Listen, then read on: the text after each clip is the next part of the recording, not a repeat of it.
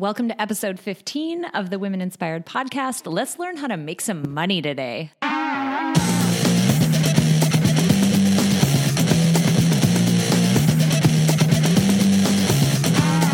Welcome to the Women Inspired podcast. I'm your host, April Seifert. There is nothing more powerful than a woman who is inspired to action, and that's my number one goal to inspire you, my listeners, to take action in your lives. Each week, I get to interview some of the most inspiring women, and I'm bringing those interviews to you. Let's do it. Meredith Jones is an alternative investment consultant and one of Inc.com's 17 inspiring women to watch in 2017. She's the author of Women of the Street Why Female Money Managers Generate Higher Returns and How You Can Too, which won an Axiom Award Gold Medal in 2016. She began her alternative investment career as the director of research at Van Hedge Fund Advisors International, where she was responsible for manager selection, due diligence, index construction, and aggregate industry research for the $500 million fund. Meredith was then recruited by hedge fund analytics provider PerTrac Financial Solutions.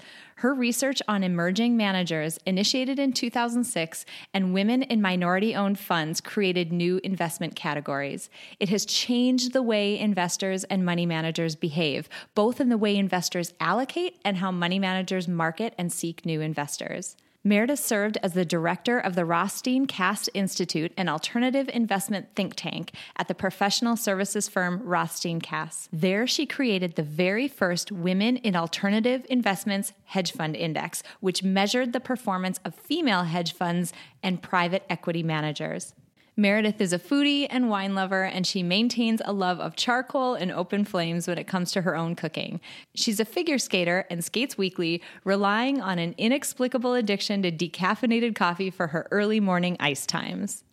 Well, guys, I am so incredibly excited to welcome this week's guest. Uh, this week, we have just a phenomenal woman with us. Um, I would like everybody to welcome Meredith Jones to the podcast. Welcome, Meredith.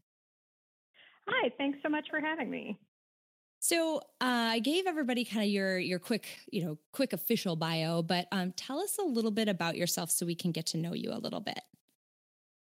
Uh, well, I'll give you the 10 cent tour. So uh, I'm betting that if your listeners haven't heard it by now, they will hear it before the end of the interview. There is just a hint of twang in my voice, which will reveal me to uh, to have been born and raised in South and Alabama, actually lived there, went to high school there. I affectionately referred to it as Redneck Tech. Uh, before graduating and going to a small liberal arts college in Kentucky, followed by graduate school in Massachusetts before I moved back to Nashville, uh, the heart of Dixie, to uh, to start my career. Uh, I started out doing research and writing for a couple of different venues before answering a printed want ad, which tells you how old I am. In fact, uh, for an entry level analyst job uh, at a shop that invested in hedge funds. And I did the interview, and uh, luckily enough for me, the gentleman who owned the company was a big believer in people who were uh, multi talented, so he loved the fact that I was both a researcher and a writer. And he also believed that women were superior when it came to investment research, something that I would later come to realize was fairly unusual in my industry. Uh, and also the fact that I told him in that interview that I had just bought my first house at 27. Uh, he decided that I was a woman on the move and someone that he needed to hire. That is uh, that's awesome because it's not something that you normally hear within uh, the investment world. That uh, someone in that position would think that uh, women do better research than that. But uh, so fast forward to to today. What are you what are you up to these days? So in 2014, I wrote a book called Women of the Street not women on the street, which is how it most often gets misquoted. It's not about flippers, it's about female investors.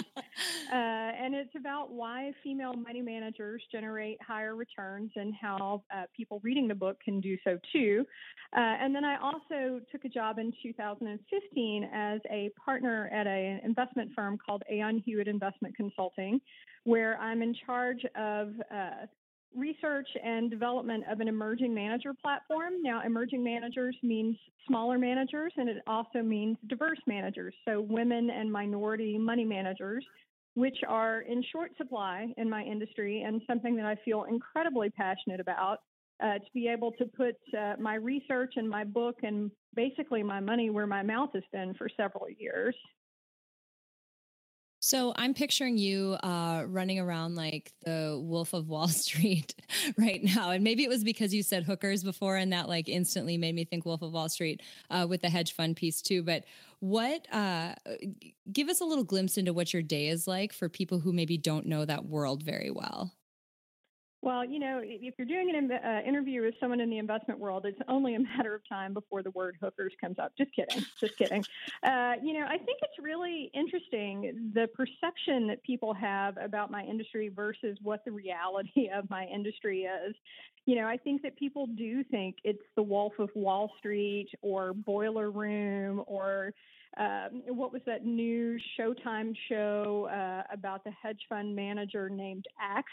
Uh, there are no hedge fund managers named Axe. I just have to tell you. And if there were, uh, their head of compliance would probably make them go by a different name because a guy named Axe does not instill confidence in investors ever. Just just putting that out there. So, you know, I think that people think it's all lavish cocktail parties and private jets and, you know, a whole bunch of high end, highfalutin rigmarole that maybe I just am in the wrong part of the industry, but I just don't see that. Um, I always tell people uh, I've only been called in the middle of the night asking for if I had a, a spare set of handcuff keys once in the 19 years I've been in this industry. Uh, for the record, I did not have any. Um, but mostly what my day consists of is uh, a lot of research, a lot of reading, a lot of writing, more PowerPoint presentations than you can shake a stick at and uh, what I call evangelizing, trying to help investors understand the benefit of investing outside of the box, thinking about women, thinking about minorities, thinking about how to really get a truly diversified portfolio when it comes to things like how people think and how they behave. So you mentioned your uh, book a little bit. Tell us, uh, give us a little bit more detail into that. So what what prompted you to write it? Um, you know, just tell us a little bit more detail about it. So I mentioned that uh, I was hired by a gentleman who fundamentally believed that women were better researchers when it came to investing than men. And that was in 1998 when I first started in this industry. And for the years that I worked for him, I really believed that was normal. And it wasn't until I started going to conferences and never had to wait in line to use the restroom ever. Um, and in fact, was usually the only burst of color in a room. It would be just filled with gray and blue and black suits. And there I would be fanning around in a bright red dress or something and, you know, looking like uh, a scene out of the movie Pleasantville when people, you know, first started turning colors. It, it was really, I think, jarring to people.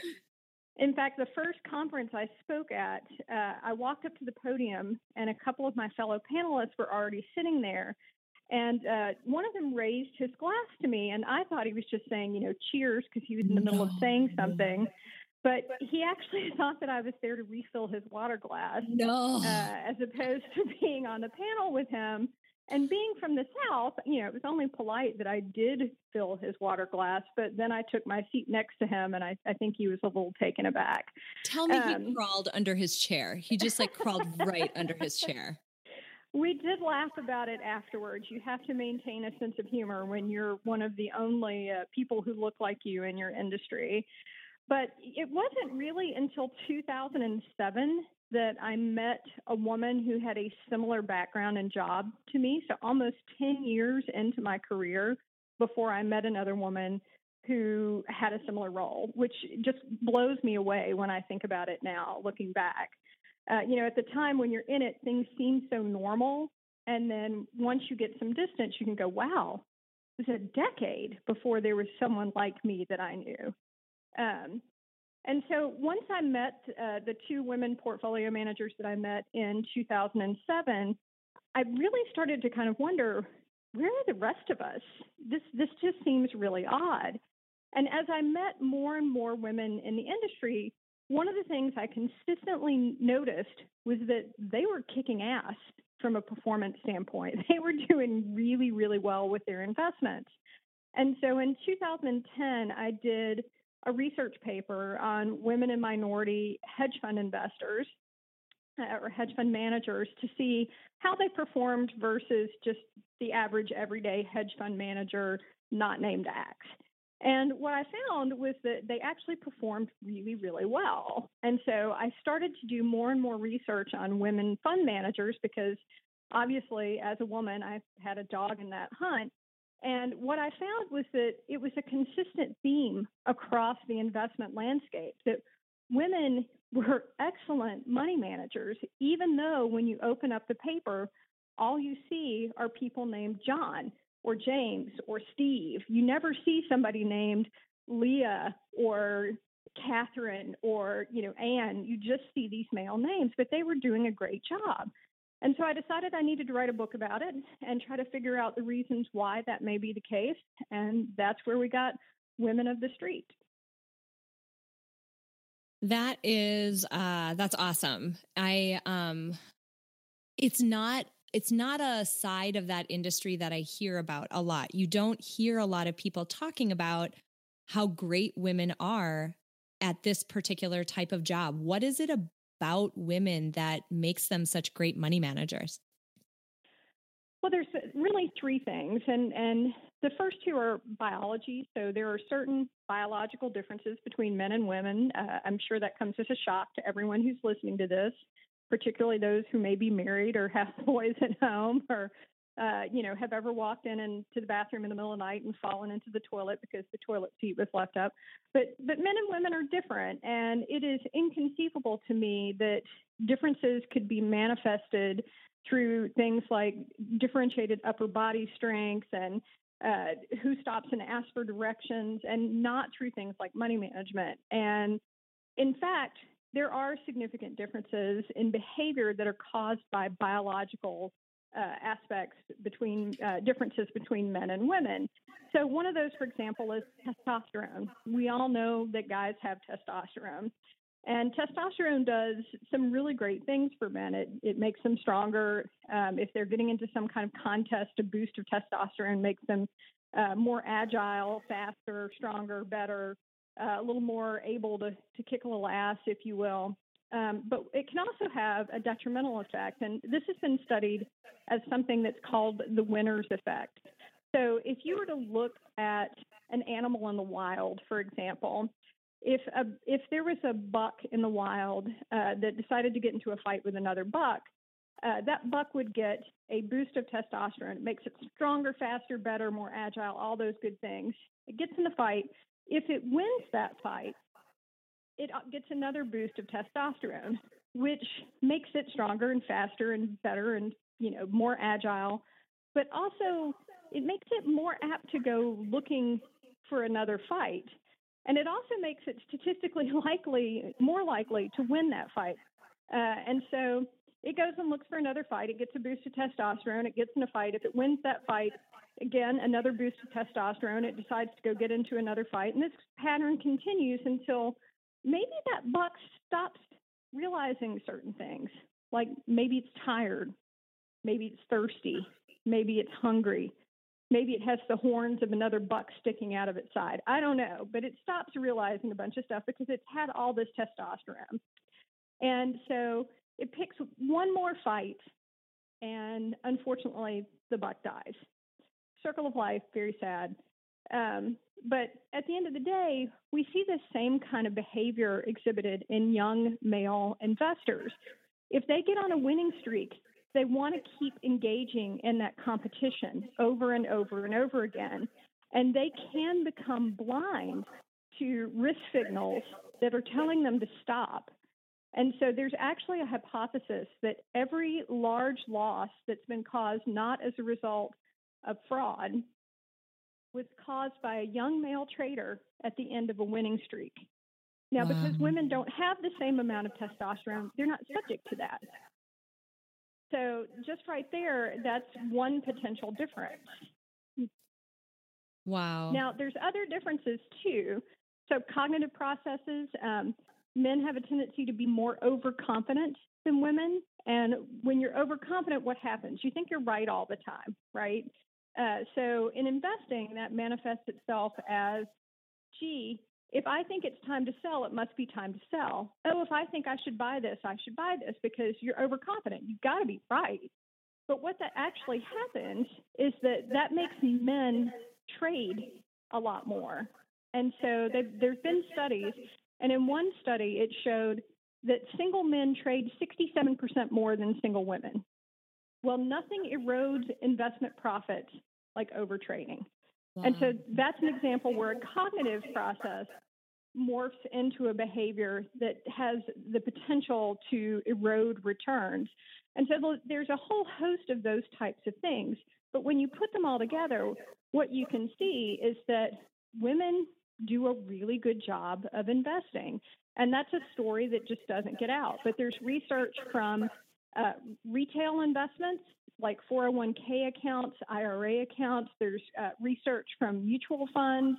There's research from hedge funds. There's research from private equity funds. There's research that women on boards have a tendency to boost corporate performance. There's research that female founders have a tendency to uh, increase the amount of money that's returned to investors.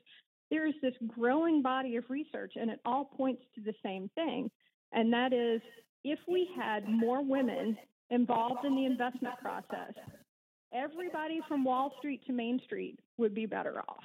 I mean, it's a our financial security is just one of those really baseline things that you need in place in order to um, in order to do well and so if that is if that's going to increase and strengthen um, the financial security of everyone it makes the message that you're putting out there so so so important um, and I think that's one of the things that makes it resonate is it's not a women lose, uh, women win, men lose kind of thing. Mm-hmm. It's everybody wins. You know, if we had uh, let, us look at women in venture capital. Women comprise less than 10% of the investment partners in venture capital, actually, much less than 10%. The numbers are closer to 6%. And as a result, women founded companies tend not to get very much venture capital.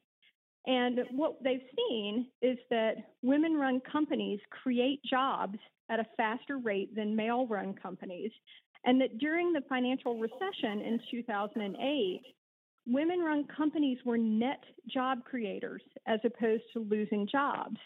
So that's good for everybody. You know, again, it's not about taking away, it's about making the pie bigger. And that's the kind of win win situation that I can get, uh, as you can tell, really pretty passionate about. I think it's something that everybody should get fired up about. If we can all win and we can all prosper, if uh, if we start to make a make a change, that's it's huge. I mean, we should all be able to get excited about that. Um, so I want to talk a little bit about this message that you've put out there. So you you published your book, uh, something that I've seen in a lot of venues. I mean, certainly on LinkedIn, you know, you can do like LinkedIn blog posts, and there's a number of women who put very strong opinions and very strong messages out there. And as you start to read through the article, you know, the article can be very well researched, it can have amazing citations, really well thought out and logical. And then you get down to the comments. And while some comments are very supportive, there are always a handful or more of comments that just go uh, super super negative. And there's an intense backlash against people who are putting out there a really strong clear message regardless of whether it's supported. Did you experience that? And if you did how in the heck do you deal with it uh, the answer is yes i did experience it quite a lot um, the first time that I released any kind of research that was picked up by the national press was in, I think, 2013. And I made the mistakes of reading the comments about a video interview that I did for Yahoo Finance. And I curled up in a ball and sat in a dark corner eating cookie dough and drinking vodka and rocking myself slowly back and forth uh, for days after I read those comments because they they were just horrifying and they weren't really on the substance of the message. They talked about uh, uh, they questioned my education, they questioned my uh, political leanings. Hell, they questioned my sexual proclivities and preferences. I mean, they were downright nasty. And uh, so after that, I, I, learned one very important lesson that, and that was unless you are really feeling particularly masochistic on any given day, don't read the comments ever. Just, just say no. Just act like they're not there. Because again, nobody usually is commenting on anything of substance. It just gets personal because people on the internet feel like they are invisible. Um, so they're doing it for one of two reasons. Number one, they need to feel important. Uh, or number two, they're in some way threatened by you know something that you're saying, and they just need to pee on you, and nobody needs that. Uh, and so, as I was getting ready for the book, I did start to remember that dark sitting in the corner with cookie dough and vodka time. And uh, I'll admit, I, I freaked out. I was like, oh my God, I'm putting out this book that pretty much says that my very male dominated industry would do better if they let uh, more females take the helm when it comes to investing. I'm not sure how that's going to come across. Right. And uh, I was having one of those kinds of days where it was really just going through my head over and over and over again. I, I think I was having a panic attack. I don't know. And a, a friend of mine in the industry called, and he is a behavioral finance person and he's a psychologist. So it's the perfect person to call me on that day. And uh, I, t- I picked up the phone and I said, "You've got to help me. I don't I don't know if I'm doing the right thing. This may be career suicide. You know, I may get death threats. I may be doxxed. You know, you know, I was totally off the deep end." Expecting everything from, you know, getting fired to having flaming bags of poo sent to my house. And uh, the guy who called me gave me some really good advice about that. And what he said was this Meredith, there are two types of people in this world. There are badass boss bitches who get stuff done, and there are angry Dorito eating assholes who sit behind their computers and attack people who get things done. Today is the day that you need to make the decision of which one of those you want to be. Nice. I vote for badass boss bitch. Yes. Oh my God. And, that uh, like that just gives me goosebumps right there. That just it's just it's awesome that you were able to find that person who was so supportive. Um, but I really appreciate at the same time that you were willing to share that you weren't 100% confident because it's something that I think a lot of us struggle with with having again, even a very well researched opinion and a very well supported one, um, we're scared of what the backlash is going to be. So I appreciate that well, you were willing to, normal. you know, share your experience. You know, I thought I was sitting there on that day thinking that I had to be 100% confident about what I was doing. And I didn't realize at the time, and I've since, in the, in the two years since I released the book, I've come to, to know that when you're doing big, bad, scary stuff, and I hope to God everybody listening to this does some of that because it has a tendency to be the things that change your life or teach you really important lessons. But when you do that stuff, it's normal to be scared. Big, bad, scary stuff is scary. and so you kind of got to go with that and acknowledge it. And as long as you're speaking your truth and as long as you're you know you can back up what you say and and you know you're doing things for the right reasons i i think you're going to come out okay. And at the that, at the end of the day that's what i opted to do. I felt like i had something that i wanted to say and i knew what my motivations were and so i just went with it. And i'm certain that there were some less than pleasant comments about me. Occasionally, a member of my family will call and say, I read something about you on the internet. and I'm always just like, oh my God, I can't imagine that was good. Um, but you know, at the end of the day, I, I don't really care. Again, I, I did what I needed to do, and hopefully, it will have a beneficial impact on people who read it. So, you have obviously been very successful. You've been really successful in your career. You've written a book. Uh, you are on Inc.com 17 most inspiring women to watch in 2017. Um, all of those, you know, big, exciting things amongst many other accomplishments the question I have for you is what do you think it is about you that has allowed you to be so successful? And I'm going to take off the table right now. I have a lot of connections and I got lucky and um, any of those things that we do to pass things off. I'm just curious about what characteristics about yourself you think have really served you well. Well, I could take, uh, I have a lot of connections off the table immediately. I was raised by a single mother who was a, a teacher who worked three jobs uh, in Alabama, so I had zero connections on Wall Street. So uh, you know, I'm I'm joke that I'm generally the token redneck at any financial event that I that I go to. So I, I can safely take that off the table. Um, you know, I, I actually don't feel like I've been that successful. I think that's something that's pretty common to a lot of women out there. And the moments where I do feel successful, um, I am pretty, uh, pretty. It, it's not unusual for me to be uh, whopped in the head by the imposter effect. So I, I, I feel ah. like one day somebody's going to just figure out that I'm, you know, not that great or not that funny or not that good of a writer, and you know, uh, on the day that the Inc. Uh, story came out, I was like, God, other women on this are so much better than I am. So, mm. you know, I think mm. that's kind of a constant fight.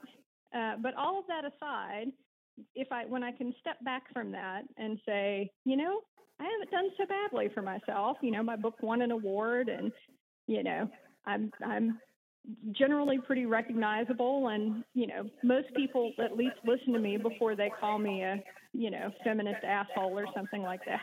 So all of those are good things. Um, but when i can take a step back and put all that in perspective I, I think the things that have been the best for me are uh, the fact that i did get a liberal arts education. That's highly unusual in my industry. You know the fact that i could think and strategize and write and research and speak as opposed to just be in the numbers and you know be focused on the finance part.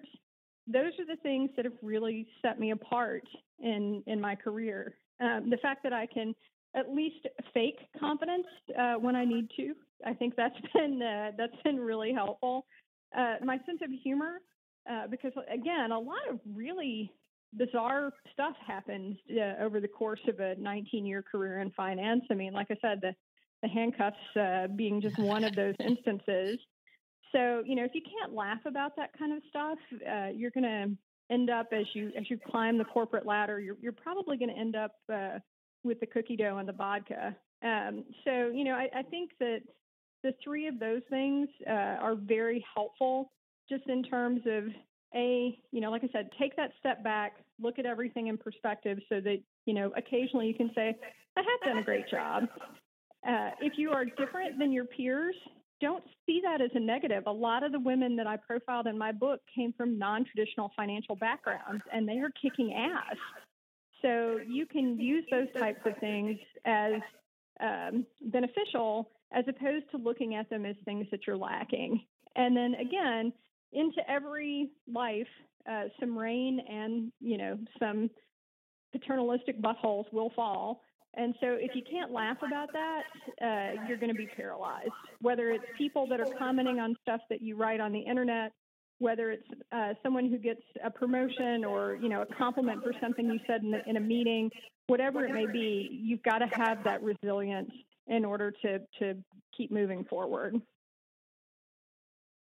Thinking back now about your whole career, what you've learned from, um, you know, this amazing career that's had a lot of uh, twists and turns in it.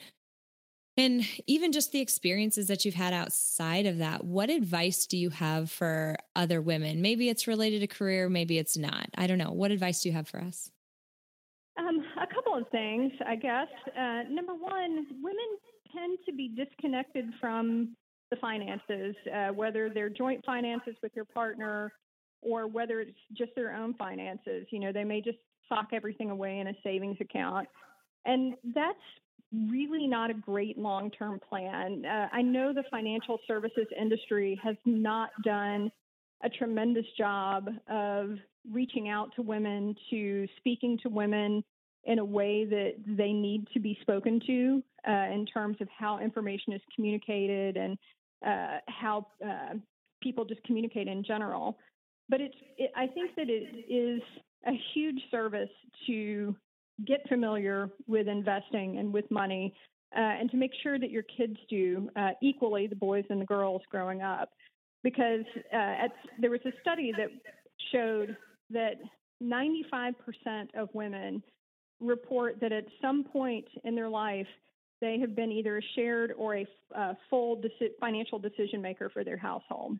Mm. And so if you don't have a grasp of how to invest or, you know, whether your investments are going to last or whether your savings is going to last, you could end up in deep trouble. And and even people who are married where their partner takes care of all of that kind of stuff, it's really incumbent on them to understand their finances, to have a relationship with their financial planner, uh, to know what kind of money is available for retirement, for emergencies, for all of that kind of stuff. Because just it, it is a, just a reality that even if you stay married to that person for your entire life, women live longer than men.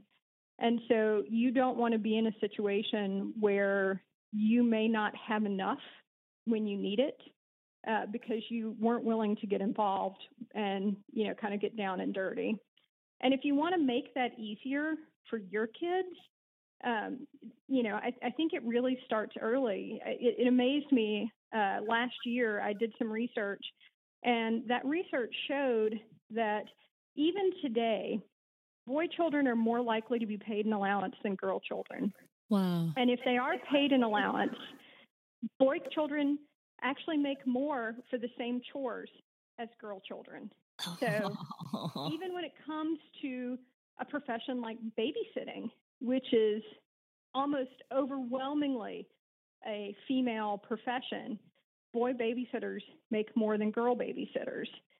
Uh, girls are less likely to report that their parents talk to them about things like how they're going to pay for their college education or savings and things like that. Um, and so by the time women get to college, uh, they associate uh, the word female with family and the word male with career. And so that kind of thing is one of the reasons why a lot of women don't feel comfortable with money. And so I would say it's important not only to to build a better relationship with money and investing for your own sake and for the sake of your financial future, but to make sure that your children uh, don't keep perpetuating that cycle so that we have girls that are really interested in, you know, savings and investing and finance uh, because frankly, the industry needs them and they need it uh, for their own financial security. You touched on so many things that are so near and dear to my heart that I I could just delve right into a giant uh, you know deep dive into a, a, lot of research and literature but my you know my doctoral work and my dissertation was on exactly what you just talked about so the the way that stereotypes form about men and women and the implications that they have for the way that we act growing up in our adult lives the way that we treat one another the things that we feel comfortable doing and that those that we don't do because we don't feel comfortable um, there is uh, a woman who will be coming up here in. Obviously, I haven't edited her episode because we're um, we're chatting right now, but we she's she's a researcher in this area and is going to just delve into some of this really interesting work on uh, gender and stereotypes and some of the implications of it. Um, you also mentioned the proportion of women who find themselves as uh, either the sole or a partner in making um, you know large money decisions for their for their household. There's a book called the feminine mistake that was uh, obviously titled as kind of a parallel to the feminine mystique but they do a neat job of going over the the research and the numbers and i'm not going to quote the number because i don't know what it is uh, specifically right now but it's a lo- it's a much larger percentage than you would ever imagine. Percentages of women who either um, go through a divorce, their husband becomes uh, unable to work for some reason, or their husband passes away. So when you add all of those up, it really does put a giant proportion of women in the position of having to be that financial breadwinner and the decision maker for their family. So your point about women taking an active role in that there's so much backing that up, as I'm sure you know. But um, just for the folks listening, if you want another piece to look at, uh, that book has a lot of research in it. Yeah, and I, I can't begin to say how critical that is. You know, it, and another piece of the equation too is that right now women in the U.S. control 51.3% of the investable wealth. Wow. That number will, will increase to 66% by 2030. So women are financially really powerful. And, you know, we have to know how to use that power and how to leverage that power. And on top of that, we need to make sure that we're in a situation where we have uh, providers in this in, in the investment industry that are people we want to do business with. And right now, if you look at the percentage of financial planners or investment advisors, 23% of financial planners are women. 30, roughly 30% of investment advisors are women. So even though women are 50% of the population, we are still woefully underrepresented when it comes to investing uh, jobs, and, and those numbers go down. You know, hedge funds, there are 11 guys named John, James, William, or Robert for every one female hedge fund manager. Wow. Uh, in private equity, venture capital, like I said, the numbers are around 6%. Um, and so you know, we really need to make sure that as we come into our financial power in the next 10 years or so, that we're encouraging the industry to change in ways that that meet us where we need to be met. Right now, 70% of widows will fire their financial advisor when their husband dies. That is the sign of an industry that is not getting it done for the ladies. Mm-hmm. So we've got to make sure that that changes. And one of the ways that changes is just to change our perception of what this industry is. You know, we started out talking about the Wolf of Wall Street. And I think that people do have this perception that anybody who works in investments is in some way, shape, form, or fashion a greedy bastard.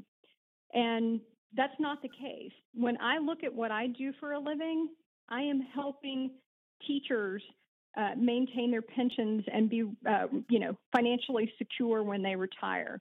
I am helping policemen and firemen be able to successfully retire. You know, you are actually helping people meet financial goals. And I think as long as you focus on that and not about what's in it for you, this is an extraordinarily and personally rewarding industry to be in. And unfortunately, that's something that gets lost in the sensationalist stories of, you know, corporate raiding and activist investing and, you know, who did what to whom that we tend to see glorified on the front page of the Wall Street Journal. So, one last tactical question. Let's say you've convinced a woman listening to this. She hasn't ever taken an active interest. She has really no background in this. How would you suggest she start educating herself so that she can get more comfortable um, really diving in here because you know people don't have a, t- a lot of people don't have a ton of discretionary income or income they feel like they can put toward investments that isn't you know already spoken for in terms of bills and that type of thing throughout the month. So you really can't a lot of people can't afford to um, go in and do anything really risky and make really big mistakes um, especially in the beginning as they're starting out. So how would you suggest that that woman um, start to educate herself and start to dip her toe in the water well, first of all, understand that you don't have to do risky things. And frankly, most female investors uh, don't tend to do tremendously risky things. And that's one of the reasons why they're so successful. You know, I often hear as kind of a backhanded compliment that women are risk adverse in this industry. And that's just not true. Women do a really good job of matching their expected outcome with their actual outcome. And that is extraordinarily useful within the space of investing. So, like I said, don't think that if you know you look at an investment and it, you know, I, I know people who are like, if it doesn't get me 20%, I'm not interested. It doesn't have to get you 20%. If it gets you where you need to be, it's good, right? You're not out to beat anybody. This isn't a competition.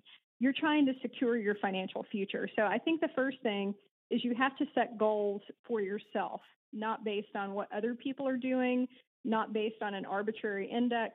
What do you need to make to be secure now and in the future? And that's the first discussion that you have either with yourself or with a financial advisor, but but somehow you've got to come to that that uh, understanding of what you need.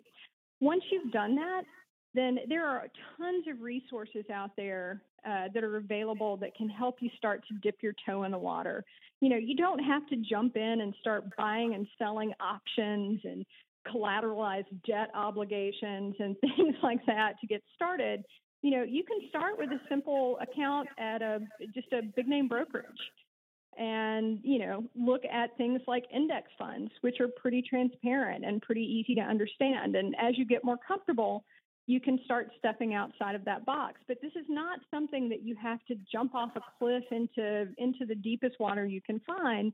This is something that you can kind of toe into um, and if you take it step by step it won't feel nearly as uh, i guess big and scary as it could that's really good advice.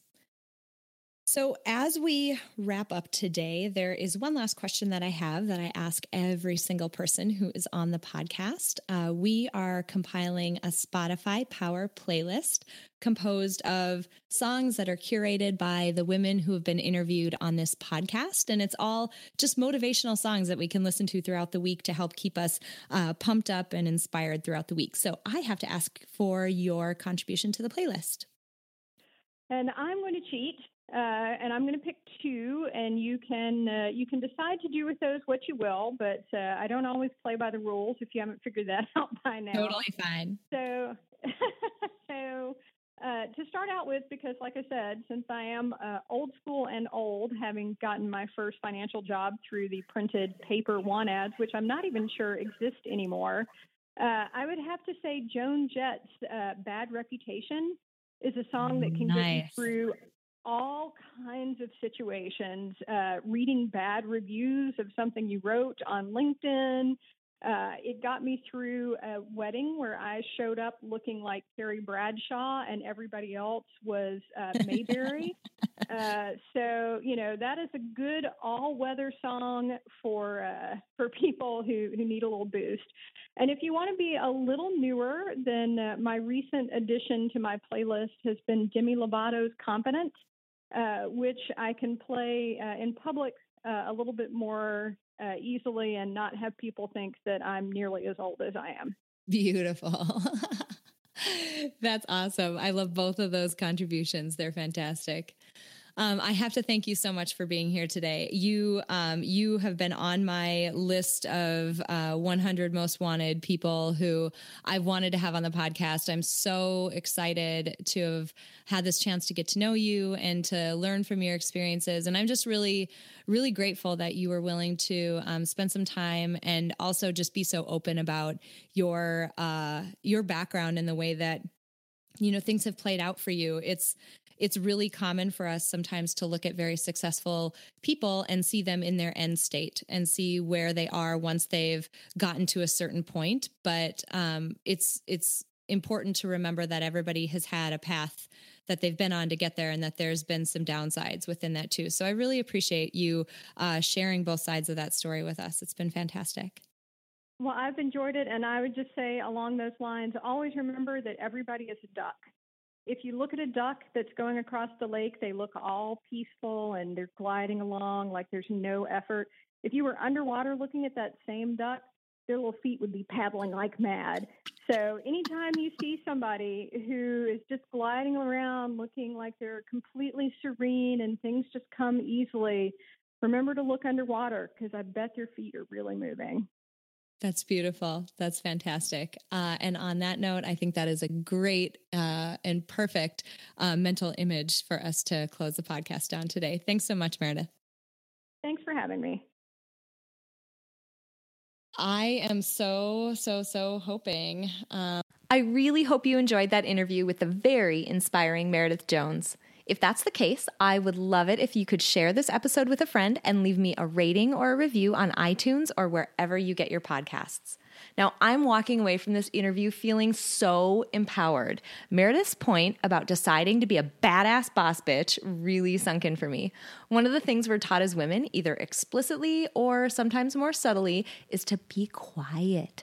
Don't voice our opinions for fear of rocking the boat. Don't speak too forcefully. But if it's something you truly believe in and you have good evidence to support your belief, that's a rule that is totally worth breaking. So go be loud. Now, confession time. If you listen to my podcast regularly, you likely noticed that I didn't release an episode last week. Uh, the truth is, I ran into a technical issue and it took me a few days to iron it out. Hashtag still learning. Um, by that time, it was Friday and I didn't want to release on the weekend, so uh, I just decided not to release the episode last week. Um, I don't say this as an excuse. I'm really only saying it because I want you to have an example of somebody who's figuring shit out as she goes along. So, if there's something you want to try or a goal you want to shoot for, you do not need to have everything figured out. Just start. Just take the first step and figure the rest of it out as you go. If you wait for perfection, you're never going to make progress. Okay, so I'm off my soapbox now. Um, I have so many more ex- inspiring women lined up for you to meet. Um, they're all coming up in the coming weeks, so I'm really hoping you tune in for those episodes. But until then, have an inspiring week.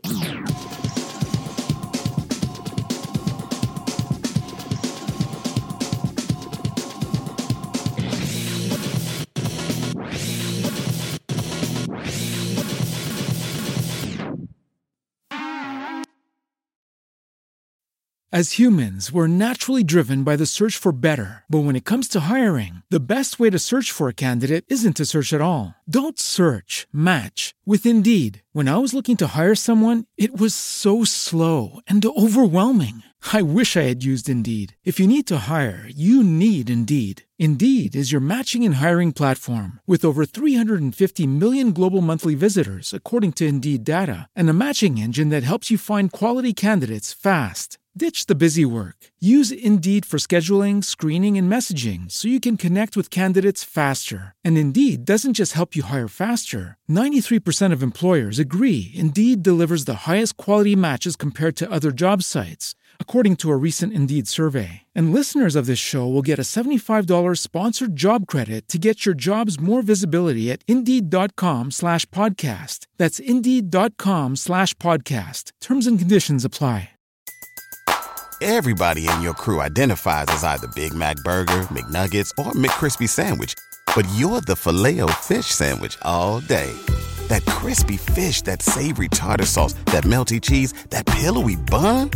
Yeah, you get it.